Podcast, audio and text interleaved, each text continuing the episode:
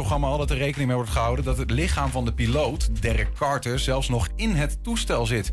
Maar volgens oud-stadsarchivaris Adrie Roding hoeft dat niet. Hij weet bijna zeker dat Carter ligt begraven op de Oosterbegraafplaats in Enschede. In het zogenaamde graf van de onbekende soldaat. En Adrie is bij ons. Welkom, Adrie. Goedemiddag. Um, ik ga de microfoon heel iets dichterbij schuiven zo. Um, heel, misschien heel kort even naar dat vliegtuig toch ook, uh, Adrie, wat, uh, wat is neergestort. Um, wat ik ervan weet, hè, 31 maart 1945. de Duitsers zijn bijna verdreven uit uh, Enschede, maar ze houden zich nog op bij die, in het Aamsveen, in de bossen. Daar is dan een. Um, de geallieerden die gaan met tyfoonvliegtuigen. schieten ze eigenlijk daar. proberen ze die Duitsers nog te verdrijven. Nou, daar wordt teruggeschoten. Waaronder dit vliegtuig wordt geraakt. Stort daar neer. Um, en nou ja, de rest is geschiedenis. En die heeft daar tot de dag van vandaag gelegen. Wrakstukken hebben daar gelegen. Wrakstukken. Moeten altijd zien dat het natuurlijk overblijfselen zijn. Ja. Het verhaal klopt. Het is alleen wel zo dat wij eigenlijk op 1 april pas aangevallen zijn door die Britten mm op de grond.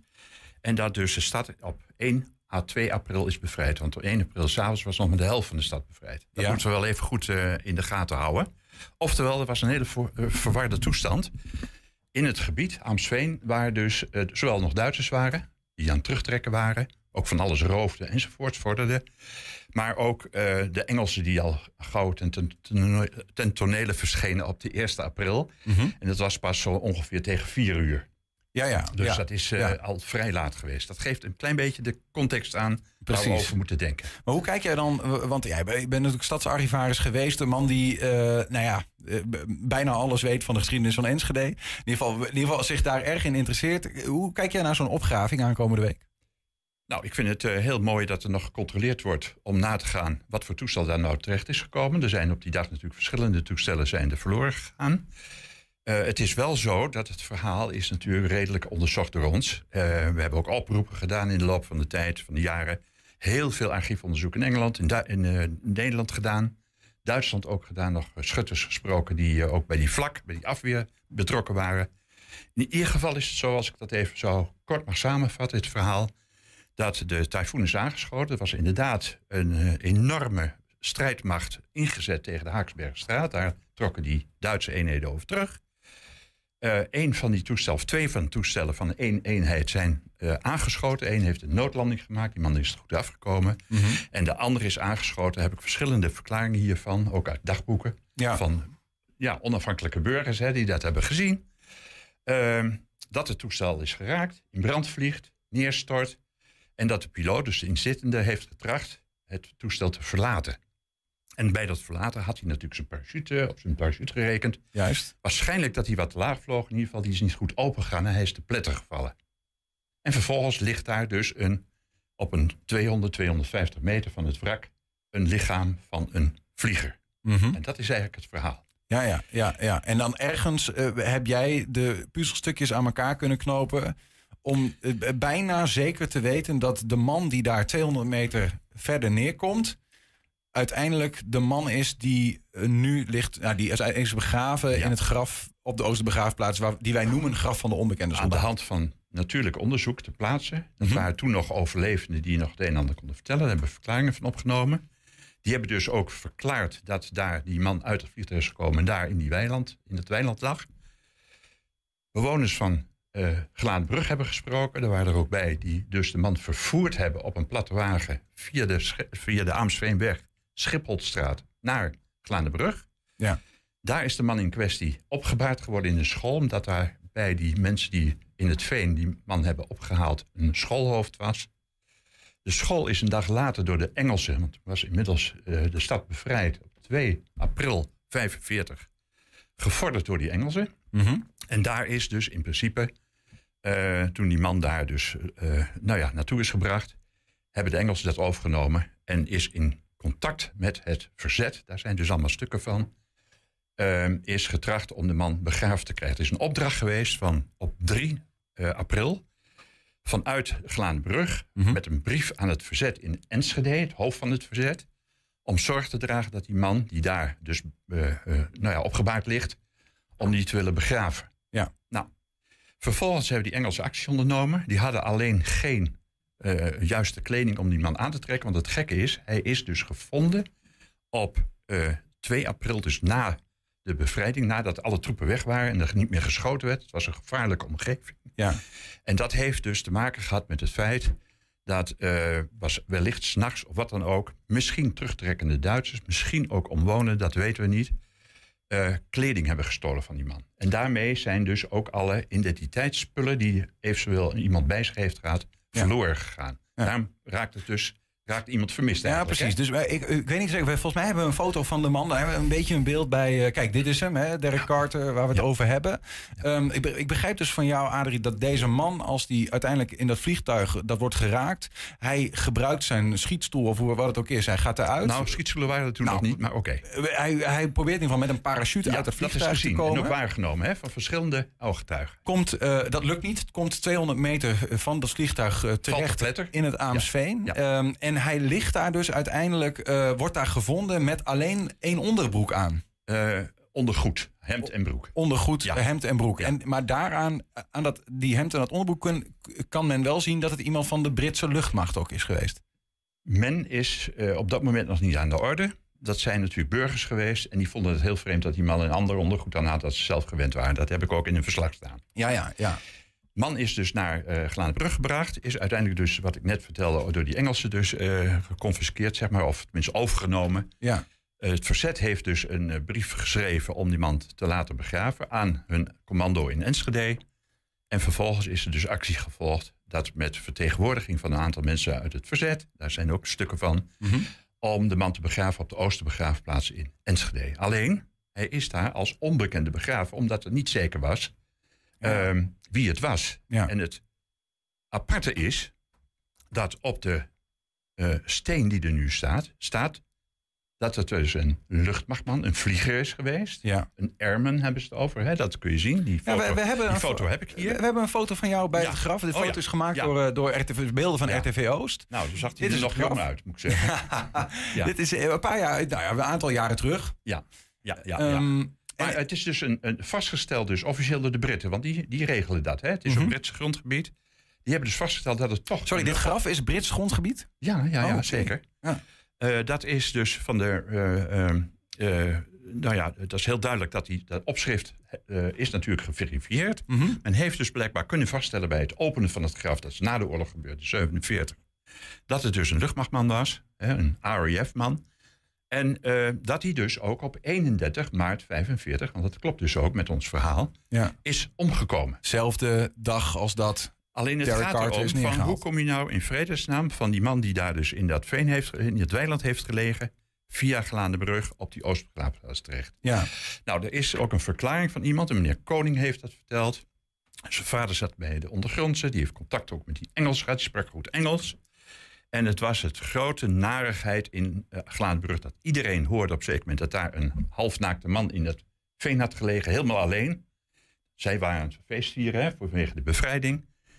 Die hebben hem daarom opgehaald. En die hebben ook de Engels zover gekregen om hem te kleden in verband met het, uh, zeg maar het begraven. Kleding was er niet. Tenminste, dat had hij die Engels zo niet. Tenminste, niet de kleding die eigenlijk thuis hoorde bij een vlieger. Ja. En die hebben hem dus een overal aangetrokken. Want die eenheid die in die school lag, waar hij naartoe is gebracht... dat was een onderhoudseenheid, waarschijnlijk voor... in ieder geval voor voertuig, misschien ook Ja. voor tanks en zo. Dus hij is begraven met een andere kleding aan andere dan kleding waarmee die was neergestort. En na de oorlog is dus, zijn die Engelsen bezig geweest om te trachten dat al die graven met onbekenden, om die alsnog te identificeren, zeg maar, die personen. Mhm. En die schrijven dan op een zeker moment, voor zover dat mij is verteld, want ik heb nooit die papieren mogen zien, helaas. Dat, ehm, dat eh, ja, er is een eh, figuur gevonden in een overal, dus dat kan geen vlieger zijn. Alleen dat is in tegenspraak tot wat er nu op die steen staat. Dat is wel gek. En dat is natuurlijk heel vreemd. Ja, ja, Daarom wilden we daar ook zekerheid over hebben. ja. En bovendien is het zo dat, ehm, nou ja, dat is dus bekend wat daar eh, nou ja, blijkbaar aan de hand is geweest. In ieder geval klopt het wat onze bevindingen zijn, maar de naam is er nog niet. Ja, maar dat is dan de vraag, hè, Adrie. Kijk, jij hebt hier toch... eh, hè, het zijn allemaal getuigenverklaringen. En Ja. die moet je op een gegeven moment ja maar aannemen. Hè? ja. Ehm, maar, maar dit verhaal klinkt eh, logisch. Hè? Wat is nou de reden dat de Engelsen zeggen... eh, dat het een, nog geen naam op dat graf Nou, er staat. zijn wat mensen geweest die her en der allerlei dingen naar die Engels hebben toegestuurd. En dat is niet het volledige verhaal geweest. Dus wat ik nou even heel kort vertel, is die logische opeenvolging van zaken, die ik hier ook op uitgeschreven. Ja. En die dus laten zien dat er dus ook verklaringen zijn van mensen die erbij zijn geweest, dat hij dus een overal aangetrokken heeft gekregen. En die ook bij de begrafenis zijn geweest. Ja. En bovendien, ik heb ook getuigenis van iemand die dat allemaal heeft gezien. En bovendien na de oorlog dat graf tot voor kort heeft onderhouden. Het is een heel oud iemand al, in de negentig al. Die heeft elk jaar heeft hij op 31 maart bloemen gelegd bij dat graf. Als Glaande Brugge, als eerbetoon dat dat dus een van die bevrijders was die daar uiteindelijk is omgekomen. Ja, ja, Nou, wat wil je nog meer weten? Eigenlijk om te verifiëren ja. of daar inderdaad die Het- meneer Carter ligt. En Ja, dat is aan de Britse autoriteiten om te zeggen: joh, moet luisteren, dit vinden we zoveel bewijs. We gaan het graf openen, dat doen ze haast nooit. Want ze, ze zeggen: we hebben het na de oorlog nagekeken. En voor ons is het kous eigenlijk af. Ja. En eh, dat evidente bewijs vind ik dat het er is. Mhm. En we kunnen nu nog kijken, tenminste dat is met die opgraving wellicht, of dat inderdaad een tyfoon is geweest die daar is neergekomen. Als het goed is zitten er nog delen van de motor. We hebben dat ooit zelf in de jaren 60 alles een keer met een detector bekeken. Ja. Daar zitten delen. En het kon best eens een stuk motor zijn waar iets aan af te leiden is. Tenminste, ik zou dat wel Ja. kunnen zien. En Maar goed, en, ik begreep ook, Adrien, dat je zegt van, van, ja, weet je, als ze dan dat vliegtuig opgaven, misschien zit er nog wel iets van eh, een stukje kleding Je of iets van DNA-materiaal van de piloot in. Maar daar heb je dan feitelijk toch ook niet, want je moet weten wat het DNA-materiaal in het graf Nou, het is. vervelende is dat we hebben een verklaring van het hoofd van, de, eh, van de- dat gebied van de binnenlandse strijdkrachten. Die daar natuurlijk dan op een zeker moment een opdracht hadden om die Duitsers te bevechten. Die is erbij geweest, dat was meneer A.B. Janning. Die is erbij geweest bij dat geval op 31 maart al. Ja. En die heeft dus in het uniform van die meneer, toen had hij dus de kleding nog aan, heeft hij dus een papieren gevonden. En die komt tot een conclusie, en dat maakt het verhaal een beetje tricky, dat het een Fransman zou zijn. Maar dat kan natuurlijk diverse redenen hebben gehad. Want misschien heeft hij wel naar de geboorteplaats gekeken. Wellicht is het een Engelsman geweest die in Parijs is geboren. Ja. Dat kan allemaal zomaar. Ja. En dan is dat verhaal is een eigen leven gaan leiden. Ja, Het zou een Fransman zijn. Maar dan kan het nog steeds dat dat dezelfde persoon is die uiteindelijk in dit graf terecht is gekomen, waarvan we de foto achter jou zien. Ja. Ja. Ja, ja, ja. Dus we gaan er even vanuit dat dat inderdaad zo is. En die papieren zijn, dat is natuurlijk heel vervelend, die zijn aan de Engelsen overhandigd volgens die ondergrondse eh, leider. Eh, maar die zijn dus nooit boven water gekomen kennelijk, want die zijn in Engeland onbekend. Welke papieren heb je nou over? De papieren van de man die in dat vliegtuig zat. oh, die, Dus die, die- portefeuille. ja, ja, portefeuille. precies. Ja, ja, ja. Ja. Ehm, ja, hoe, even, hoe, hoe kun je, lukt dat denk je om met het verhaal wat jij hebt, om de Engelsen te overtuigen en misschien met die opgraving van ja, hij Nou ja. zit hier echt niet meer in, weet je wel. eh, Ik denk dat er in dat verhaal bijna geen spel tussen te krijgen is. Vanuit de lucht is ook gezien dat het die meneer Carter was die daar neerstort. Ja. Dus dat is, staat allemaal vast. Daar zijn verklaringen van door vliegers die naast hem vlogen. Mhm. Tot en met dat graf is eigenlijk wel een duidelijk verhaal, naar mijn Ja. mening. Is het belangrijk eigenlijk? Dat zo'n naam Nou, uiteindelijk, zo- zo'n graf echt een naam krijgt? Ik denk het wel, want eh, je moet dan niet aan het slachtoffer denken. Die heeft daar natuurlijk niks aan. Je moet aan familie denken. En dat zijn altijd nabestaanden, zeker in Engeland. Die nog heel graag willen weten van wat er met hun nabestaanden is gebeurd. Ja. Nogmaals, je kent die opmerking wel. Vermist zijn is erger dan Weten dat iemand is overleden. Ja. Tot slot, eh Adrie Roding. Eh, de komende week, vier dagen lang, wordt er gegraven. We hebben een foto gemaakt eh, bij de opgraving, bij het terrein. Dat is al afgezet, ehm, ergens in het Aamsveen. Ga je zelf kijken? Eh, ik denk het wel dat ik er even langs ga, ja. Ja, zeker. Ik ben niet uitgenodigd, maar ik wil wel even kijken. Ja, Ja, ja. Ja, dat, Ja, we zijn, ja, dat zit te veel in het bloed. Ik ben er 20, 30 jaar mee bezig geweest, nog langer. ja, Dus dan is het natuurlijk wel interessant om te weten wat er gevonden wordt. ik geloof het. Wij zijn er ook bij en eh hou onze kanalen in de gaten. Dan eh, Geweldig. brengen we je op de hoogte van alles wat daar gebeurt. Adrie Roding, dankjewel voor dit eh, verhaal. En eh, nou, voor het duiden wie er dan volgens jou in het graf van de onbekende soldaten dat hoop te vinden. Ja. Zometeen filmmaker Frank Jansen maakte een documentaire reeks over de Hengeloze voetbalvereniging Barbaros. Vanavond is er zelfs al het eerste deel te zien.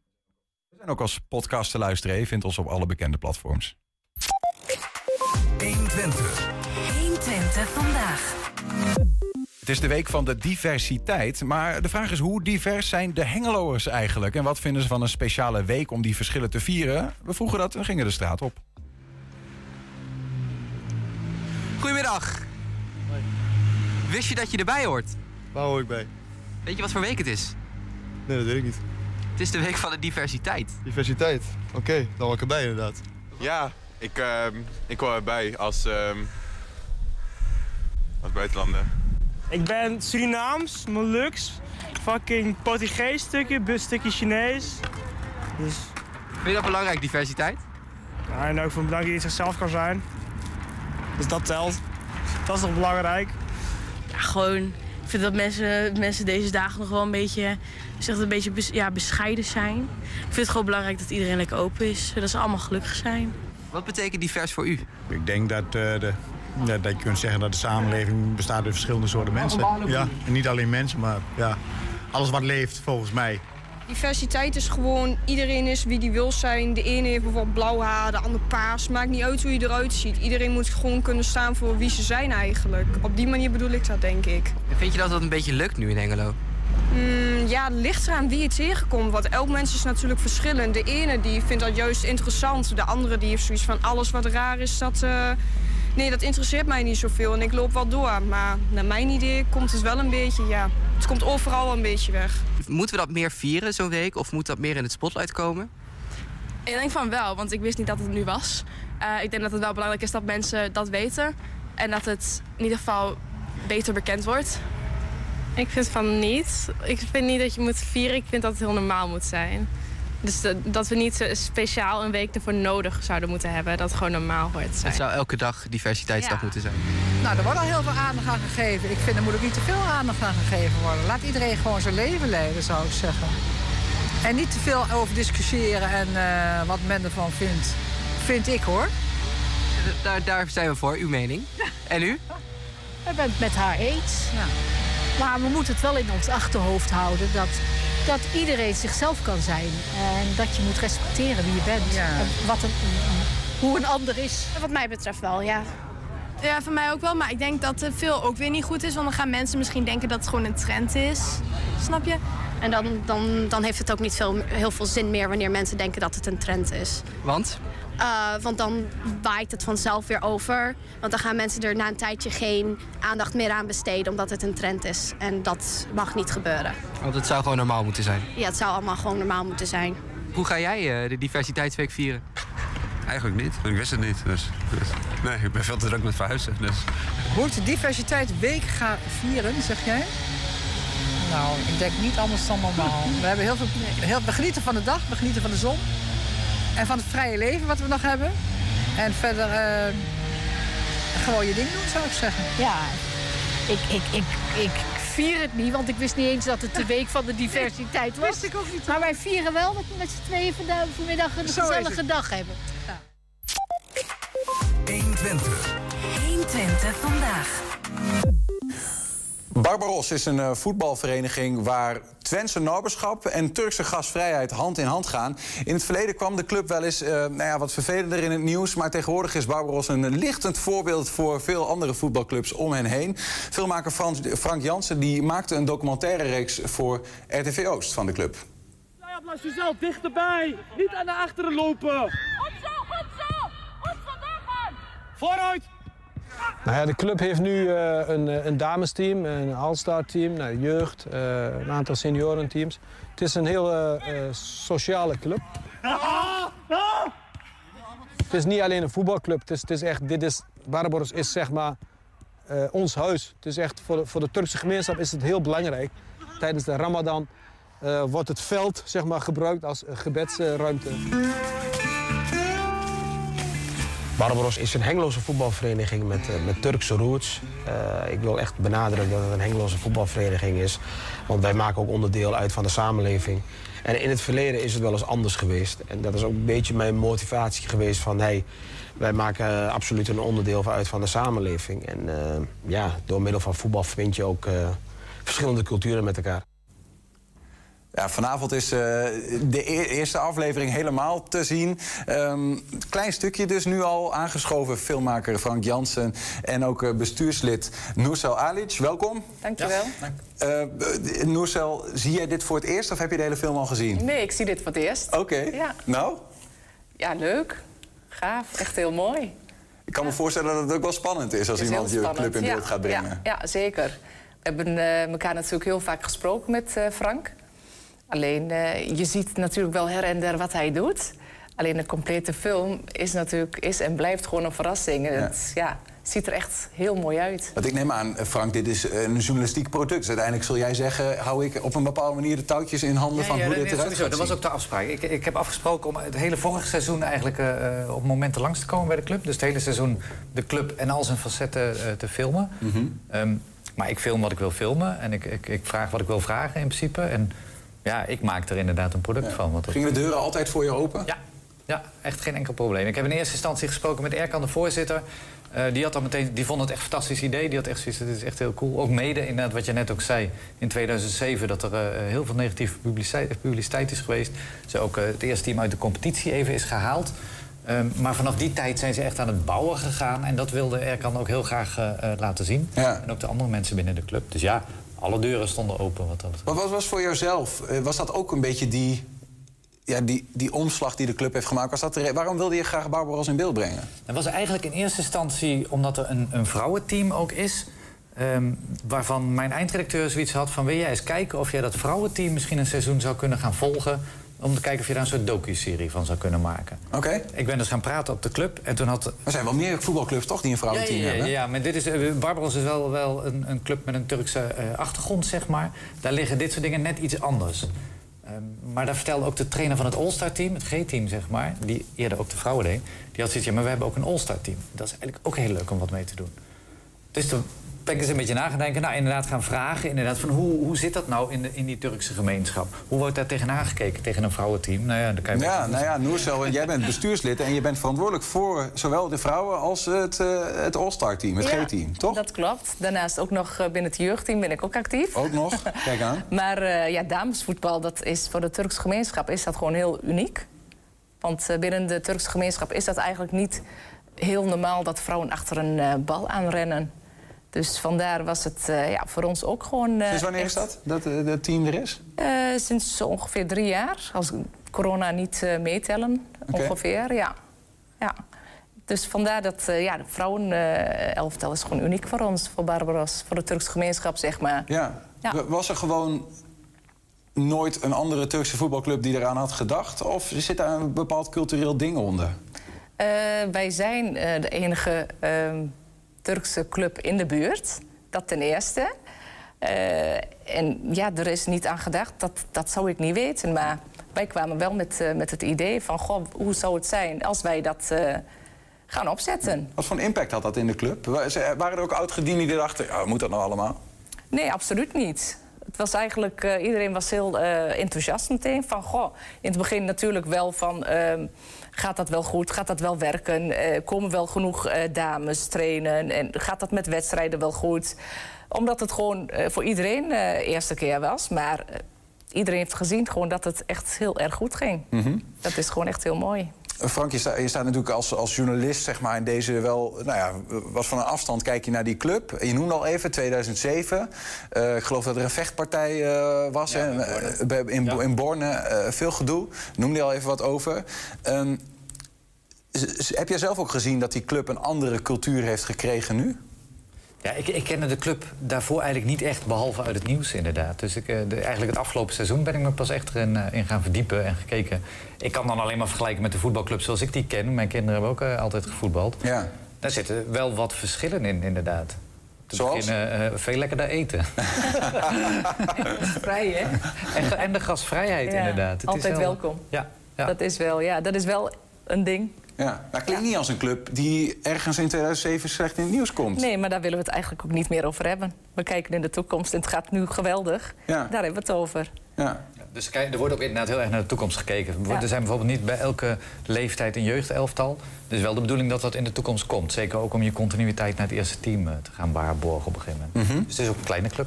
Ja. We hebben natuurlijk ook een ander bestuur, een eh, andere voorzitter. Dat speelt natuurlijk ook allemaal wel een rol, vind ik. Ja, er heeft wel een ver- verandering plaatsgevonden in die Jazeker, afgelopen jaren. jazeker, ja. Ja, ik, ik Ja, je daar iets, probeer je iets van te duiden van hoe dat is gegaan dan? Eh, het bestuur, dat, dat verandert. Bij iedere club verandert dat eh, Mhm. wel in de jaren door. Eh, dit hele bestuur is eigenlijk veranderd. En ik zit zelf eh, zo ongeveer nou, vijf jaar bij de club als zijnde eh, dat mijn zoon voetbalt. Zo ben ik eigenlijk met Barbaros in aanraking gekomen. Ehm, maar in totaal zit ik nu ongeveer drie, drieënhalf jaar in het actieve bestuur. Dus ik kan eigenlijk alleen kijken naar het huidige bestuur en hoe wij het doen met elkaar. Ja. En ja, wat er in het verleden is gebeurd, was ik niet bij de club. Ik weet ook niet, ik ken misschien een paar mensen, maar ik weet niet het hele bestuur van, van toen en hoe het toen ging. Ik wil natuurlijk niet alleen maar zeggen van nou, eh, toen was het niet goed en nu is het perfect. Mhm. Alleen het is wel als je nu kijkt en eh, als je de afgelopen jaren kijkt wat Barbaros allemaal heeft bereikt, ook in maatschappelijke betrokkenheid in die zin. Dus niet echt alleen als, als voetbalclub, maar ook gewoon heel erg maatschappelijk betrokken met, met allerlei dingen eigenlijk. Eh, vind ik wel dat wij een hele vooruitgang hebben gemaakt. En dat, eh, ja, dat, zie, dat is gewoon enthousiasme zie je gewoon nog echt aan, eh, aan de mensen. Ja. ik denk ook dat het mede is, want het is een relatief jong bestuur voor een, eh, voor een gemiddelde amateurvoetbalclub volgens mij. En inderdaad, wat ze zegt, van de, de maatschappelijke betrokkenheid, wat er ook is. Er is bijvoorbeeld een gebedsruimte op het terrein, die hebben ze eh, laten maken. Dat zie je niet echt bij elke club. Ja. Eh, allerlei andere dingen zijn ze aan het organiseren. Rond de Ramadan werd er door heel veel mensen eh, gezamenlijk gegeten in samenwerking in de moskee. Ja, dat zijn allemaal de dingen die, die, die net de club echt heel anders kleuren dan heel veel andere voetbalclubs. De- eh, wat natuurlijk dan ook wel anders is, is hè, de- een vrouwenteam eh, binnen een Turkse club wat wat ongebruikelijk was eerst. Wat, wat za- zag jij daarvan terug, eh, Frank? Wat voor een, ja, wat voor, wat voor een impact dat dan heeft op zo'n club? Ja, niet echt de impact, op de club, denk ik, zozeer. Eh, is meer dat het er is. En dus dat er ook een vrouwenteam is die daar ook gewoon rondlopen, zeg maar. Ja. Ik bedoel, eh, eh, normaal heel veel voetbalclubs is dat misschien eh, normaal. Hier is het even... Aan de andere kant wel normaal, volgens mij. Er, wordt ook, weet je, er zit gewoon eh, dezelfde trainer die ook andere teams traint. Die traint dat team ook. Ze zijn even fanatiek. Dus ja, nee, dat is niet echt... Hoe was dat dan eigenlijk, Noesal? Met, met het, want het is zometeen ook nog leuk om iets te horen over dat All-Star eh, GG-team. Maar om nog even bij die vrouwen te blijven. Je start een, een, eh, een vrouwenteam eigenlijk... mm, Nou ja, in de, die er in de wijde omtrek niet is, eh, bij een Turkse voetbalclub. Klopt. Stonden ze in de rij? Eh, ze stonden niet in de rij. Alleen eh, het gaat dan wel zo, ik, ik denk bij het meeste wel.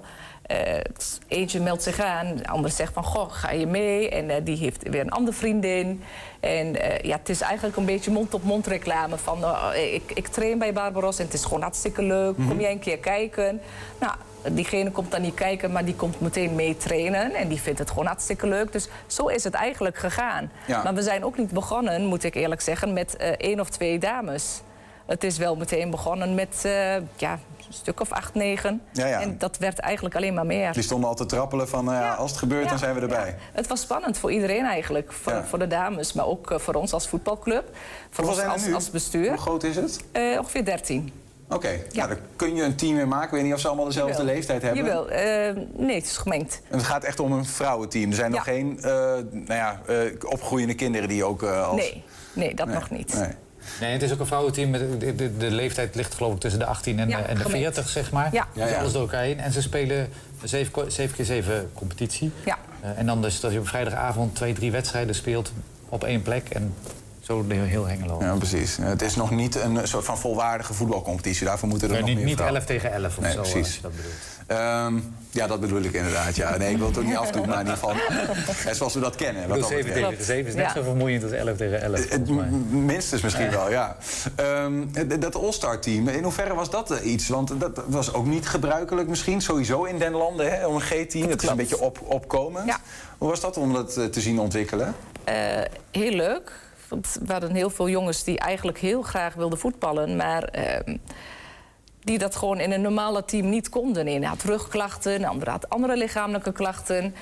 En dan was het gewoon heel moeilijk voor die, voor die jongens om toch gewoon... eh, ze willen voetballen, maar ze kunnen niet voetballen. En dan moet ik eh, onze eh, trainer van, van het All-Star team, Erkan Kandemir... ook echt complimenten voor geven. Hij heeft dat heel goed opgepakt. Heel goed opgestart. Maar Maar daar zit wel een mooi verhaal achter, toch? Hoe Ja. dat ontstaan is? ja, en hij, hij doet het ook echt hartstikke leuk Ja. met de jongens. En ja, je bent ook een beetje een, een vertrouwenspersoon. Als voetbalclub. Als trainer. Als, Als trainer, trainer. ja. Ja, maar dat, is, want dat zegt Erkan ook in de uitzendingen. Zo van, het is niet zo dat je de training gedaan hebt en dat je dan niks meer van ze hoort of zo. Dan, dan nog steeds heb je heel veel via de app contact. Ja. Maar ook, en dat vond ik echt heel grappig dat hij dat ook zei... elke training, opnieuw krijgt hij na de training... allemaal appjes van, eh, van alle, alle jongens die daar dan in meedoen. Van, ik heb nog nooit zo'n mooie training meegemaakt. Ja. Elke training weer. Ja, dat, dat doet hij iets goed. Dat doet hij iets heel goed. Zeker, ja. Dat- Dat gaan we mogelijk ook wel zien in, eh ja, in de ja, documentaire. absoluut. Ja, ja. Maar, maar ook wel leuk dat verhaal van hoe dat, eh, hoe dat is ontstaan. Want Erkan die, die kwam iemand tegen in het ziekenhuis. Ja, dat klopt. In de moskee. In de moskee, sorry. Ja, in de moskee, ja. pardon. En eh, daar kwamen ze aan de praten inderdaad, ook over voetbal eh, gehad. En eh, die jongen heeft toen inderdaad gezegd van... Goh, ik wil eigenlijk heel graag voetballen, maar ik kan niet voetballen in een normaal team. En zodoende ja, heeft Erkan dat eigenlijk opgepakt van... Goh, eigenlijk is dat heel jammer, hier kunnen we wat mee. Zo is dat eigenlijk een beetje begonnen. En uiteindelijk zijn er meerdere eh, jongens die erin voetballen... die echt, echt tussen de 7 en 14 jaar gewoon niet mee hebben Ja. kunnen voetballen met andere teams. Echt heel en hier bij die All-Stars wel. eh, Ja. En daar een plek krijgen. Hoe groot is dat team ongeveer? Eh, iets om en nabij 12, dacht ik. Ja, ja. zo'n 12. Ja. Mooi. Ehm, eh, Frank, als wij vanavond eh, op YouTube, geloof ik, hè, morgen, dan is het bij, eh, bij jullie bij RTV Oost te zien. Ehm, Ja, vanavond vanaf 7 uur op YouTube en morgen vanaf 10 over, zij- 10 over 5 voor het eerst op tv. Ja, precies. En dat is dan elke week zo. Uh, als we nou, waarom, misschien gewoon die vraag. Waarom zouden we moeten gaan kijken? Wat gaan wij ehm, leren of zien? Of waar gaan we ons over verwonderen? Ja, over alles.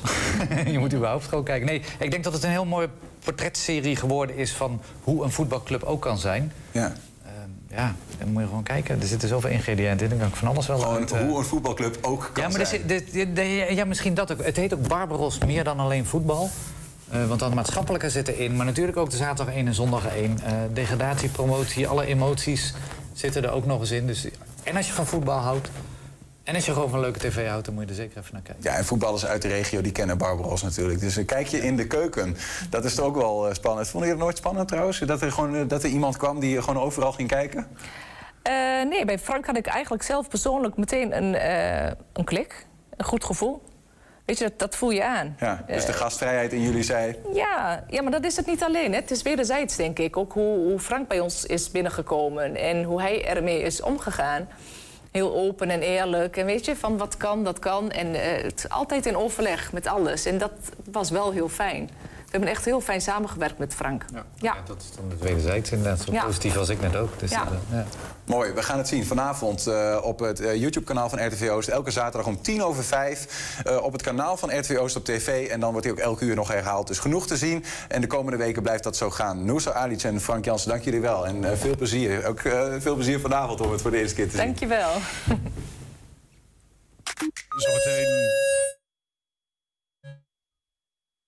Ja, dat gaat heel eventjes fout. Maar maakt ook niet uit, want Twentenaren Brahma, Teram Sodit en Michiel Kolen... wonnen tijdens de LA Video Music Awards in Los Angeles... de prijs voor de beste spoken word video van 2022 met hun film Wakker. 120. 120 vandaag. FC Twente staat voor een interessante krachtmeting. Zondagmiddag reist de ploeg af naar Rotterdam voor de uitwedstrijd tegen Feyenoord. En beide ploegen ontlopen elkaar nauwelijks op de ranglijst. FC Twente heeft één punt minder dan de Rotterdammers. En hoofdtrainer Ron Jans heeft voor deze kraker twee spelers terug ten opzichte van vorige week. Even zo'n lijstje langs eh, hoe het qua spelers is... waar misschien vorige week nog wat vraagtekens eh, rondom waren. Maar ik wil eigenlijk even beginnen bij Sadilek. Want jij hoopte dat hij weer aan zou sluiten. Ik meende hem op de training eh, in ieder geval voorbij te zien komen. Kan hij al bij de selectie eh, dit weekend? Nee, het schiet helaas eh, niet op. Hij traint eh, individueel, is wel op het veld. Maar ja, eh, Lies en, en ook eh, wat last met, eh, met zijn oor, met zijn orgaan. Ja, dat, eh, het schiet helaas niet op, dus die is er niet bij. We hebben wel eh, één speler weer wet- wel bij de wedstrijdselectie. En dat is Daan Rots. En dat is wel mooi nieuws, want we dachten eerst dat hij echt eh, een poosje eruit zou zijn. Maar die eh, sluit weer aan. Dat, is, wil zeggen, dat, dat bleek al iets mee te vallen. Maar dat hij ook al echt weer bij de selectie kan zitten... is helemaal boven verwachting, denk ik. Ja, nee, dat gaat gelukkig eh, heel snel. Eh, in zijn spoor zit ook uh, Danilo met zijn elleboog. En ik hoop dat hij een week later ook weer aan kan sluiten. Dus eigenlijk Cleonise en Sadilek zitten er niet bij. En voor de rest heb je iedereen weer terug. Zo is dat. Betekent dus ook... Oenerstal is weer terug, hè? Ja, daar wou ik naartoe. Die, is weer- die voelt zich helemaal weer fit. Ja, ja, die is maandag weer aangesloten. Toen heeft hij licht eh, met de groep getraind. En eh, vanaf dat moment alles. Ja, wat voor een eh, week is het? Dat zou ik eigenlijk willen vragen. Maar ik, toen wij voor het interview begonnen, zei ik al tegen jou... je kunt zien dat jullie tegen een hooggeplaatste tegenstander spelen. Want ja, het is bijvoorbeeld meer media-aandacht. Merken jullie daar nou omheen dat er dan om zo'n wedstrijd blijkbaar meer leeft? Nou ja, er zijn nu vier, zeg maar, in plaats van twee. Dus het is nog wel te overzien hoor. Dus nee, nee, valt, eigenlijk wel mee. Maar ja, intern heb je natuurlijk ook zoiets dat je... je laat beelden zien van Feyenoord. We hebben ze gisteren nog zien spelen. we trainen erop. ja, en uit tegen Feyenoord is altijd een van de mooiste wedstrijden van het seizoen. Dus ik hoop dat we ervan gaan genieten. Want het resultaat is daar wel belangrijk in. Een van de mooiste zelfs, ja? Waar ligt dat vooral aan? Ehm, het stadion, uh, de geschiedenis, de uitstraling van de, van de club. Uh, ja, dat, dat, dat met name. Maar ook als je kijkt, uh, ja, ze hebben één, één puntje meer dan, dan wij. Dus ja, daar willen we eigenlijk wel wat aan doen. Ja, dan noem jij het al, daar wilde ik ook even natuurlijk. Jullie ontlopen elkaar amper. Wat doet dat met zo'n wedstrijd? Ja, het maakt het eigenlijk eh, nog, uh, nog spannender. Want uh, in de top zijn de verschillen klein. En nou, als wij bij die top zo lang mogelijk daarin meedraaien... Ehm, en misschien nou, een beetje beetje zo op de achtergrond, misschien als outsider, als Blackhorst meedoen, dan, dan zou dat heel mooi zijn. En, ja, we doen het tot nu toe. We hebben PSV gehad, we hebben AZ gehad en zijn we goed overeind gebleven. En eens kijken of, of dat zondag weer lukt.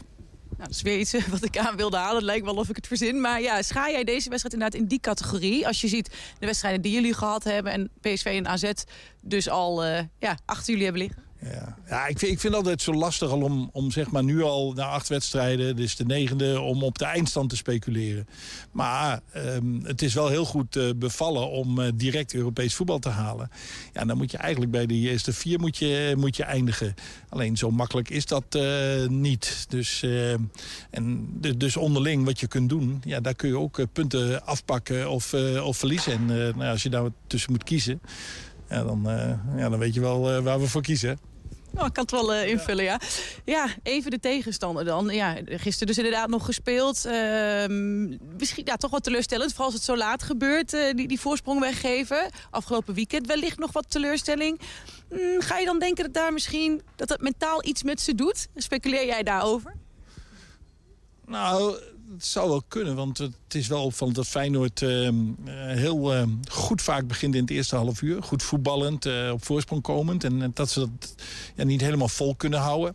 ik weet niet of dat fysiek is. Of, soms, ehm, de wedstrijd leeft ook zijn eigen leven. Want ze kwamen ook wat gelukkig voor gisteren tegen Midtjylland. Ehm, maar ja, je merkt ook gewoon dat, dat zij nog niet we hebben de ploeg eigenlijk bijna hetzelfde als vorig jaar. En zij moeten nog steeds zoeken. En dan valt Idrissi uit met een blessure. En dan zie je weer, dan gaat de een van de, van de ene kant naar de andere kant. En, dus ze zijn nog wel wat zoekende. En dat, dat, dat hebben wij in ieder geval uh, voor. Ja, je hebt natuurlijk soms wel eens een bepaald momentum of zo... wat ergens kan ontstaan. Is dit dan misschien bij hen zo'n zo'n moment waarop jullie nou, denken van... het is een mooi moment om toe te slaan? Ja, alleen al, dat soort dingen heb je met die voorbeschouwingen. Het, zegt allemaal niks. Uh, Feyenoord heeft een heel mooie, uh, mooie slogan. En uh, ik denk dat, dat we daar in Twente ook wel mee uit de voeten kunnen. Dat is geen woorden, maar daden. Dus het moet zondag vanaf half drie moet het gebeuren. en, en al die ja, bespieringen vooraf... die hebben volgens mij geen enkele invloed op, op het resultaat. Misschien dan heel even nog tot slot. heeft niet zozeer met de wedstrijd zelf te maken. En ook iets waar jij natuurlijk verder totaal geen invloed op hebt. Maar ja, het uitvak blijft leeg. Hoe uh, is dat voor jullie? Ja, volgens mij was ook een boek. De Koolsingel bleef uh, leeg, uh, maar dat is wat anders. Ja, dat, dat is ontzettend jammer. Ehm, ik, ik, ik kan daar zelf niks aan doen. Ehm, Um, ons, ons publiek vorig jaar uit bij AZ vond ik wel het mooiste eigenlijk. Dat eigenlijk worden alleen maar ons publiek. Uh, die steunen ons enorm. Nou ja, er zijn wat, uh, wat mensen ontevreden over bussen die teruggestuurd zijn en dat soort dingen. Maar ja, ik, ik kan er zelf helemaal niks aan doen. Dus ja, meer dan jammer kan ik het ook niet vinden. Heel jammer. 120. 120 vandaag. In juni spraken we in dit programma met Twentenaren Bramma T. Ramsodit en Michiel Kolen over de première van hun korte film Wakker. Ze gaven toen al aan genomineerd of geselecteerd te zijn door verschillende filmfestivals binnen en buiten Europa. Nu blijkt dat het nog veel mooier wordt. Wakker heeft namelijk de prijs gewonnen voor de beste spoken word video van 2022 bij de LA Video Music Awards in Los Angeles. Ja man, heren, good afternoon. Yo! Uh, voor jou is het... Voor jou is het eigenlijk good morning, toch? Of niet, Brahma? Ja, ja, het is hier nu kwart voor acht uh, in Californië. Kijk, jij zit er nog. Je bent nog even blijven plakken. Jullie zijn allebei blijven plakken, daarover later meer. Maar laten we eerst eens beginnen. Gefeliciteerd, jongens. Uh, echt, uh, wat, een, wat, een, wat een... Droom. Wat, ja, wat een winst, man. Ja, ja ik, ik, ik vind het ook tof dat jullie er weer aandacht aan besteden. Het is, je zegt het goed, het is inderdaad een droom. En volgens mij is die echt, Michiel, toch? Ja, ja. Ik ben inmiddels alweer terug in, uh, in Nederland. maar het is echt gebeurd, ja. Voelt, voelt het dan ook echt onwerkelijk dat je denkt van ja, uh, wat ons is overkomen begrijp ik nog niet echt helemaal? Ja, lang, langzaam. Vooral als je bezig bent, dan ben je vooral bezig om, om alles zo goed mogelijk te doen. Uh, maar nu, eigenlijk nu een week la, later daarna zitten, ben ik dingen terug aan het kijken. Denk ik, wat verdikken. Ja. Het is gebeurd. Michiel, uh, gebeurd, ja. leg ons, uh, ons en met mij vele um, non, niet wetenden even uit de LA uh, Video Music Awards, zeg maar. Wat, wat, is, wat voor een plek hebben die in dat filmlandschap? Nou, wat wij hebben gemaakt is eigenlijk een hele mooie nieuwe categorie. Hè? We hebben een film gemaakt, Spoken Word Video. En dat, uh, dat begint nu een beetje op te komen. Spoken Word bestaat al een tijdje, maar die videoversie daarbij, dat zie je nog niet zo heel veel. Uh, en dit is een festival en dat is echt opgericht door liefhebbers van de muziekvideo, zeg maar. Dus dat festival bestaat al heel lang. Dat is heel erg gericht op uh, musicvideo's. Daar heb je heel veel categorieën in. Um, en wat ik al zei, dat zijn echt liefhebbers die het hebben opgericht. Um, en sinds een aantal jaar bestaat er de categorie spoken word video bij. En wat we hebben gemaakt is eigenlijk een soort um, muziekvideo uh, met een verhalende lijn erin. Hè? Het is een spoken word, maar er zit ook een verhalend uh, gedeelte in. Um, en dat heeft het eigenlijk heel mooi gedaan. Daarvan hadden wij, denk ik, uh, als een van de weinigen in die categorie echt deze versie, dit verhaal, deze opzet. Want je hebt ook spoken words die vooral op zeg maar voorstellingsshots zitten. Dan zie je de voorstelling, zie je iemand dat doen. Ja. je ziet hele kunstzinnige producties. We hebben gedacht, ja, dit is heel mooi om een diepere laag, dat hebben we vorige keer ook uitgelegd, ja. om een diepere laag aan toe te voegen door middel van een videoverhaal. En dat, uh, dat zag je eigenlijk heel weinig. Ja, ja. Um, dus het was heel mooi om daar te zijn uh, tussen Amerikanen die, die gewoon het videovak heel goed beheersen. En, maar toch en, in een internationale show, ja. En iets Nederlandstaligs, hè? Ja. Dat is ook wel bijzonder, dat dat dus niet in de weg zit. Want onze film is Nederlandstalig, was de enige uh, gesele geselecteerde die niet Engelstalig was. En dat komt dus kennelijk toch over.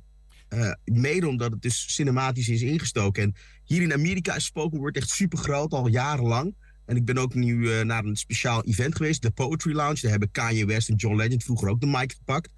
En daar sprak ik ook de mensen. Maar deze vorm, op deze manier, is, wordt nog niet zo heel veel gedaan. Ja, jullie waren een inspiratie wat dat betreft voor de mensen die daar waren. We hebben het er al een tijdje over nu. Maar misschien ook goed om eens te gaan kijken van waar hebben we het eigenlijk over. We, we mochten van jullie, en daar zijn we jullie heel dankbaar voor, uh, de hele film laten zien. Hij is maar anderhalve minuut, dus dat kan ook uh, bij deze. Jullie film, jullie prijswinnende film Wakker. Primeur. Ik voel me lichter worden helder van geest. Ik ben nu meer mezelf dan ik ooit ben geweest. Niet dat ik de weg kwijt was, maar het was wel zoeken. De zin voor het leven maakte me benieuwd naar mijn best mogelijke route.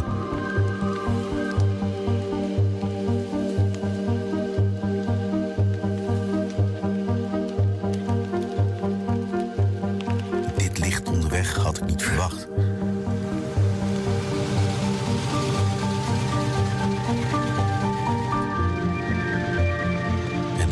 Niet alleen mijn pad.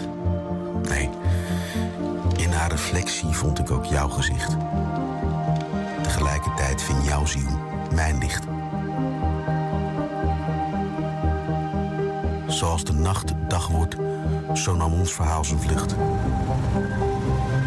De zon kwam op, bracht onze wereld in bloei.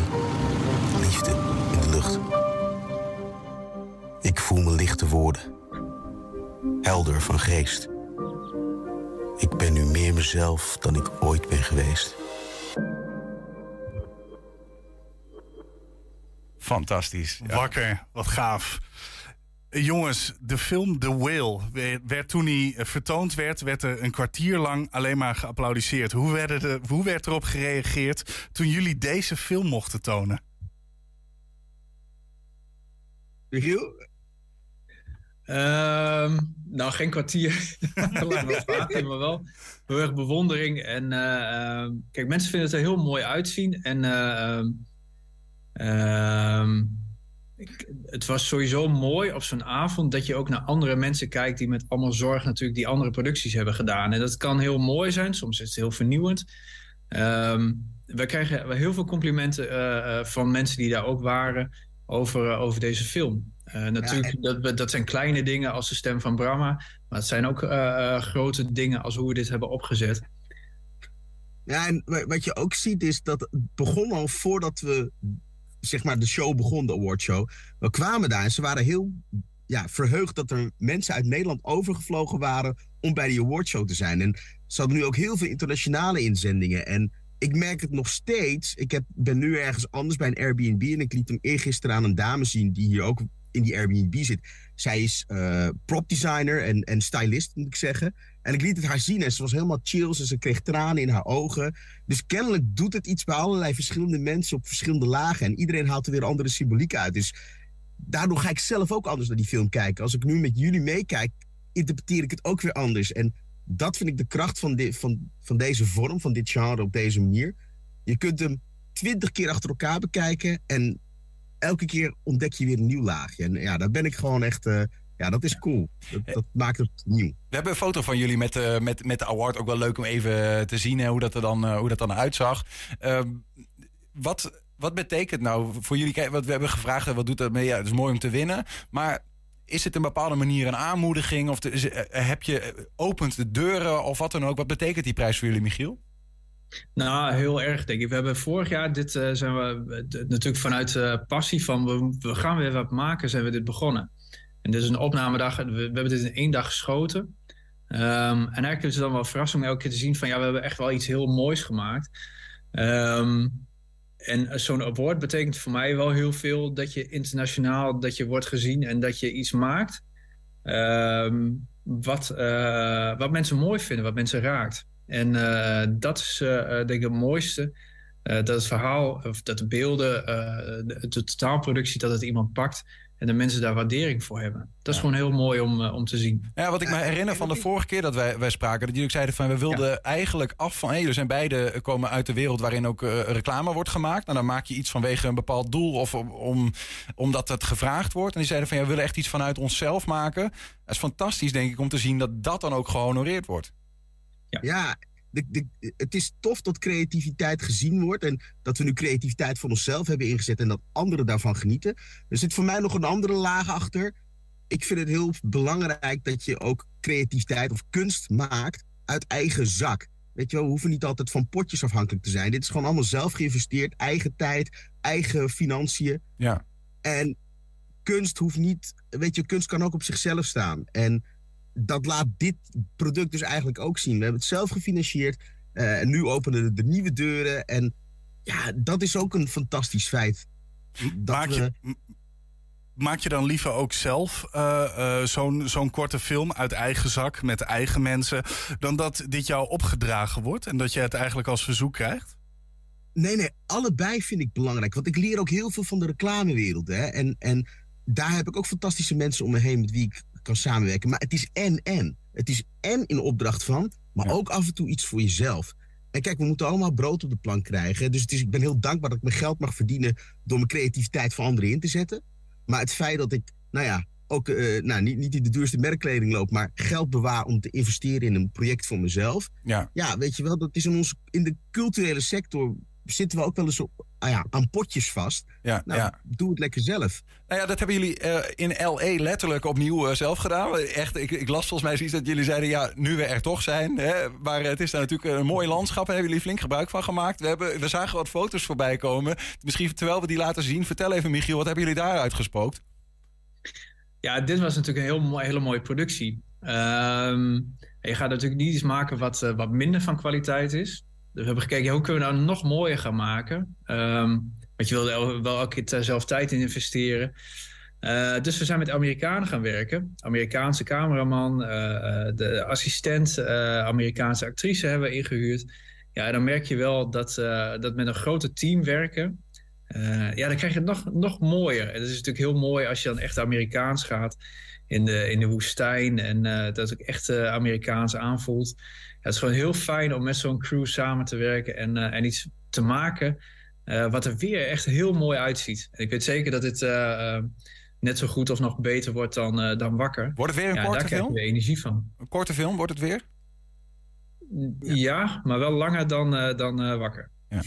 Ja. Brahma, ik zag een foto van jou voorbij komen dat je eigenlijk als een soort nou ja, cowboy op een cliff staat met een hoed op. wordt het ook een beetje in de western-stijl? Het is eigenlijk een poëtische neo-western, zoals we het zeggen. Ah, ja hoor. Geweldig. Mooi, prachtig de titel is, dat verklap ik dan ook alvast, het is De Tocht Alleen. Uh, gaat ook over liefde, maar er zitten, ja, het toffe is, dat kwam ook met het inzicht van Michiel. Uh, we gingen naar, ehm, nou, naar L.A. Ik had het over, nou, is iets wat ik ook graag wil verfilmen. En als we er toch zijn, waarom maken we niet gebruik van het feit dat we investeren om daar naartoe te gaan? We weten niet of we winnen, maar het is mooi om erbij te zijn. En dan investeren we en dan maken we iets nieuws. En hij zei meteen bij de tocht alleen en met zijn achtergrond in, en ervaring in, in westernfilms en zijn liefde daarvoor. Ja, wacht even, dat past perfect bij de woestijn. Ik denk, fuck dude, heb je helemaal gelijk en niet over gedacht. en zo zijn we eigenlijk binnen een hele korte tijd zijn we gaan stapelen. Zijn we de mensen erbij gaan zoeken. En vorige keer hadden we het geluk om met fantastische mensen werken, eh, te werken. En nu weer. Ja. Ah, eh, eh, toen ik daar in de woestijn stond, dacht ik wel af en toe van... Yo. Wat gebeurt er allemaal? ja, we gaan zien waar de tocht alleen jullie, uh, jullie gaat brengen. We zijn ontzettend benieuwd naar wat dat dan uiteindelijk gaat worden. Want inderdaad, ik moet toegeven, ook wakker, cinematografisch. Het was voor het mhm. eerst dat ik hem helemaal zag. Geweldig gedaan, jongens. En uh, misschien om daar dan even mee af te sluiten. Die award-winning film, uh, ligt, wat ligt daar nog in het verschiet? Hebben jullie nog dingen openstaan? Of is dit even nagenieten van wat hier is gebeurd? Heel veel persaandacht vanuit Nederland. dat, dat is al bijzonder. En uh, ja, voor de rest, ik, ik, ik denk dat er nog wel misschien meer dingen gaan gebeuren. Maar Michiel, wat verwacht jij voor ons? Nee, er staan nog een aantal filmfestivals open. Maar voor nu is het natuurlijk iets. Uh, um, ja, we, we hebben nieuwe, nieuwe avontuur. En daar gaan we nu vol mee aan de slag om ja. dat uh, tot een groot succes te maken. Dus we daar gaan, gaan we volop inzetten. We gaan het mee, maar de, de, tocht alleen doen wij graag met jullie, uh, met jullie mee, jongens. Uh, dank voor, uh, voor een mooie film en uh, mooi avontuur en de verhalen daarover. Brahma T. Ramsden en Michiel Kolen, dank jullie wel. Dankjewel. Bedankt jongens.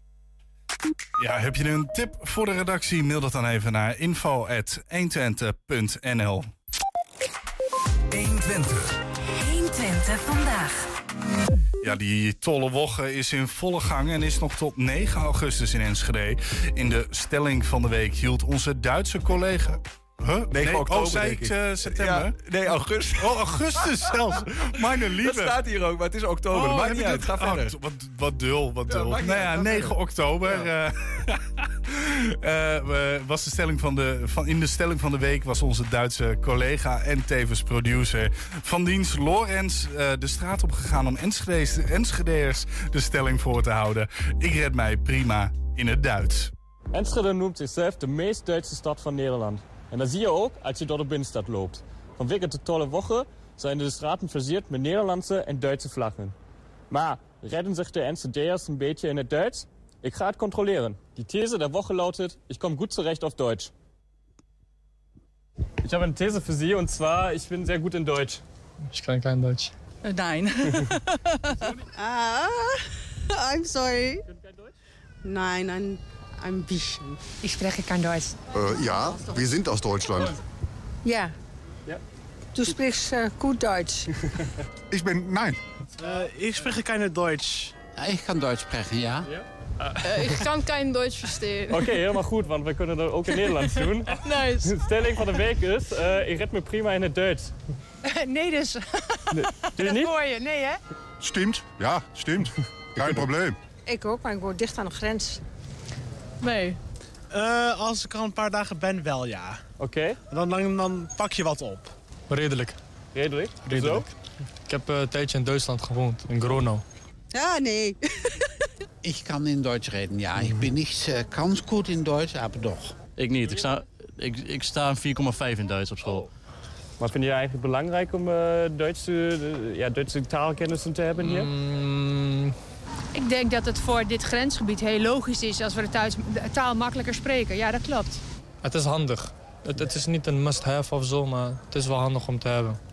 Ja, het is een taal die heel veel gesproken wordt. Dus ja, wel iets om uh, aandacht aan te besteden. Uh, nou, ik woon in Zwolle, gebruik weinig Duits. Ja, ja hier, hier, hier in de regio zeker. En ik vind over heel Nederland eigenlijk wel. Want Nederland is een klein land. Er moet internationaal gewoon een beetje Engels en Duits kunnen spreken. Ja, eigenlijk wel, ja. Ja, deze week uh, probeert de gemeente Enschede weer een beetje meer aandacht uh, te zetten op de verbinding tussen Duitsland en Nederland. Ja. Wat denk je daarvan? Lijkt me goed. Heel, heel verstandig, heel verstandig. Nou, dat vind ik persoonlijk wel leuk. Hier in de regio prima, heel goed, gewoon belangrijk. Ja, goed toch? Ja. waarom niet? Nou, ik zie daar geen nadeel of iets in, dus ja, wel goed. 120. 120 vandaag. Ja, mijn Duits is niet zo goed, dus ik ga de volgende aankondiging gewoon in het, in het Nederlands doen als je het niet erg vindt. We gaan uh, de uitzending afsluiten. Dat doen we normaal met uh, Bart Peter Zweem, maar uh, hij heeft een hele goede opvolger gevonden. Een goede inval in dit geval. Femke Nijboer is bij ons met de column van de dag. Femke, take it away. Dankjewel. Ik wil het hebben over Marktplaats, mijn guilty pleasure. Elke dag zit ik wel even op Marktplaats te loeren. Ik aas op hebben dingetjes of scoor bijvoorbeeld alvast nieuwe skibroeken voor mijn snelgroeiende kinderen. Maar wisten jullie dat er zoveel meer te beleven valt op Marktplaats? Misschien is het omdat ik psychologie heb gestudeerd, maar ik maak echt een studie van mensen op Marktplaats. In deze column ga ik mijn observaties met jullie delen. En ik hoor jullie denken, Femke, moeten we nou werkelijk over Marktplaats hebben? Ben jij niet een maatschappelijk geëngageerde intellectueel, de scherpste columnist van Twente?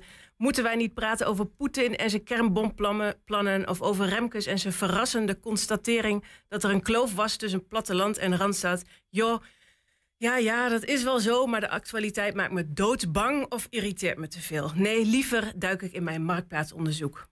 Ten eerste, als je een advertentie plaatst op Marktplaats, zijn er verschillende soorten kopers. Ik begin met de ergste. Er zijn kopers die schaamteloos scheid aan je vraagprijs hebben. Vraag je 10 euro, bieden zij 50 cent. Momenteel heb ik een bank te koop staan voor, 80, uh, voor 800 euro. Originele IKEA-prijs is 1900 euro. Pling, deed de notificatie van Marktplaats. Pling, berichtje van Simbad. Naam gefingeerd. Simbad uit Den Haag. Geachte Femke, hierbij bied ik 100 euro op jouw bank. OO Den Haag. Tip van deze onderzoeken: berichten van zulke scheid aan je vraagprijskopers kan je direct deleten. Een andere categorie geïnteresseerden denkt slimmer te zijn, maar is ook irritant. Pling doet de notificatie. Geachte Femke, wat wil je minimaal voor de bank hebben? Kom op zeg, wat is dat voor vraag? Alsof ik de bank te koop zet voor 800 euro, maar ik je er meteen bij vertel dat 200 ook wel oké is. Een beetje als in een casino gaan 21 en dan aan de croupier vragen wat de volgende kaart is. Speel gewoon, doe een fucking botman.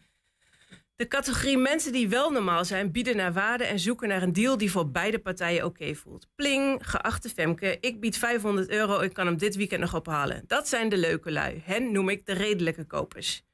Een grappige advertenties heb je ook. Zo was er dit jaar een advertentie van een Enschedeze jaarclub die hun clubgenootje aanbood. De reden was dat hij een paar kroegentochten had gemist en ze hem een lambal vonden. Ik vroeg wat ze minimaal voor hem wilden hebben en of hij ook kon koken. Ze zeiden dat hij niet kon koken, maar hij was wel trainbaar. Maar ja, een marktplaats koopje wil ik niet op hoeven te knappen. Over knap gesproken. Een aantal jaar geleden bood ik op een kast, maar omdat ik die kast niet zelf naar boven kon tillen, bood ik de verkoper 20 euro extra voor zijn hulp bij het sjouwen. Hij kwam naar mijn huis en ik zag meteen al wel dat ik hem ook een kopje koffie ging aanbieden. Hij was donders knap. Het weekend erop gingen we op date, marktplaats als Tinder. Maar dat werd niks trouwens, want hij kon niet zoenen. Maar het meeste lol heb ik wel altijd als ik spullen gratis aanbied. Zo heb ik eens een pakket babyspullen gratis aangeboden. Een babybadje met standaard beddengoed en een overgebleven pak nieuwe luiers. Dat werd opgehaald door een hele blije tienermoeder die er alleen voor stond. Ik drukte haar dus ook nog wat knuffels in de handen. Als codewoord in zo'n gratis advertentie zeg ik ook wel eens dat iets voor een appel en een ei mag worden opgehaald. Mensen die dat snappen worden vaak heel creatief. Een kastje ruilen tegen een paprikaplant, een flesje wijn voor een jurkje, een appeltaart voor een stoel. En één keer kwam een mevrouw letterlijk met een appel en een ei aanzetten. En hierdoor moest ik zo hard lachen dat het toch nog als een eerlijke deal aanvoelde. En dat is de conclusie van mijn marktplaatsonderzoek. Uiteindelijk word je het rijkst van een deal waar geen geld aan te pas komt. Geweldig. Ik, ik, ik geniet ook altijd zo van die marktplaatsverhalen, van die screenshots, weet je wel, van Het die is, het is echt beeldig. Ja, ik, ja. eh, en- en- ja, kun- kunnen we nog één? Er is ooit een keer mijn eh, stiefzusje, die heeft een kind gekregen. eh, en die had geen geld te makken, helemaal niks. Er kwamen wat mensen, kwamen spullen van haar kopen. En die kwamen bij haar langs. Probeerden daar nog geld ervan af te troggelen. Toen zei ze, ik ben een alleenstaande moeder. Net een kindje gekregen, geen geld te makken. En uiteindelijk heeft zij alle spullen gekregen met wat geld erbij. Zo mooi kan Zo het ook kan zijn. het ook, ja, precies. Nou, wij delen in jouw guilty pleasure wat dat betreft, Mooi, eh, Femke ja. Nijboer. Dankjewel voor de column. En Daarmee zijn we ook aan het einde van 120 vandaag gekomen. Terugkijken, dat kan direct via 120.nl. En vanavond om 8 en 10 op televisie te zien. Zometeen geen vrijdag is voor je vrienden. Dat helaas niet. Wel DJ non-stop. Veel plezier en tot maandag. 120. Weet wat er speelt in Twente. Met nu het nieuws van 5 uur. Ik ben Ingrid Anne Broersen. Goedemiddag. Staatssecretaris Erik van der Burg is het er niet mee eens dat asielzoekers op een mensonterende manier worden opgevangen. En daarom gaat hij in beroep tegen de uitspraak van de rechter. Hij geeft toe dat het niveau omhoog moet, maar dat de rechter heeft gezegd dat het nu zwaar onder de maat is, gaat hem te ver. Het ministerie in Den Haag heeft het reisadvies voor Iran op rood gezet.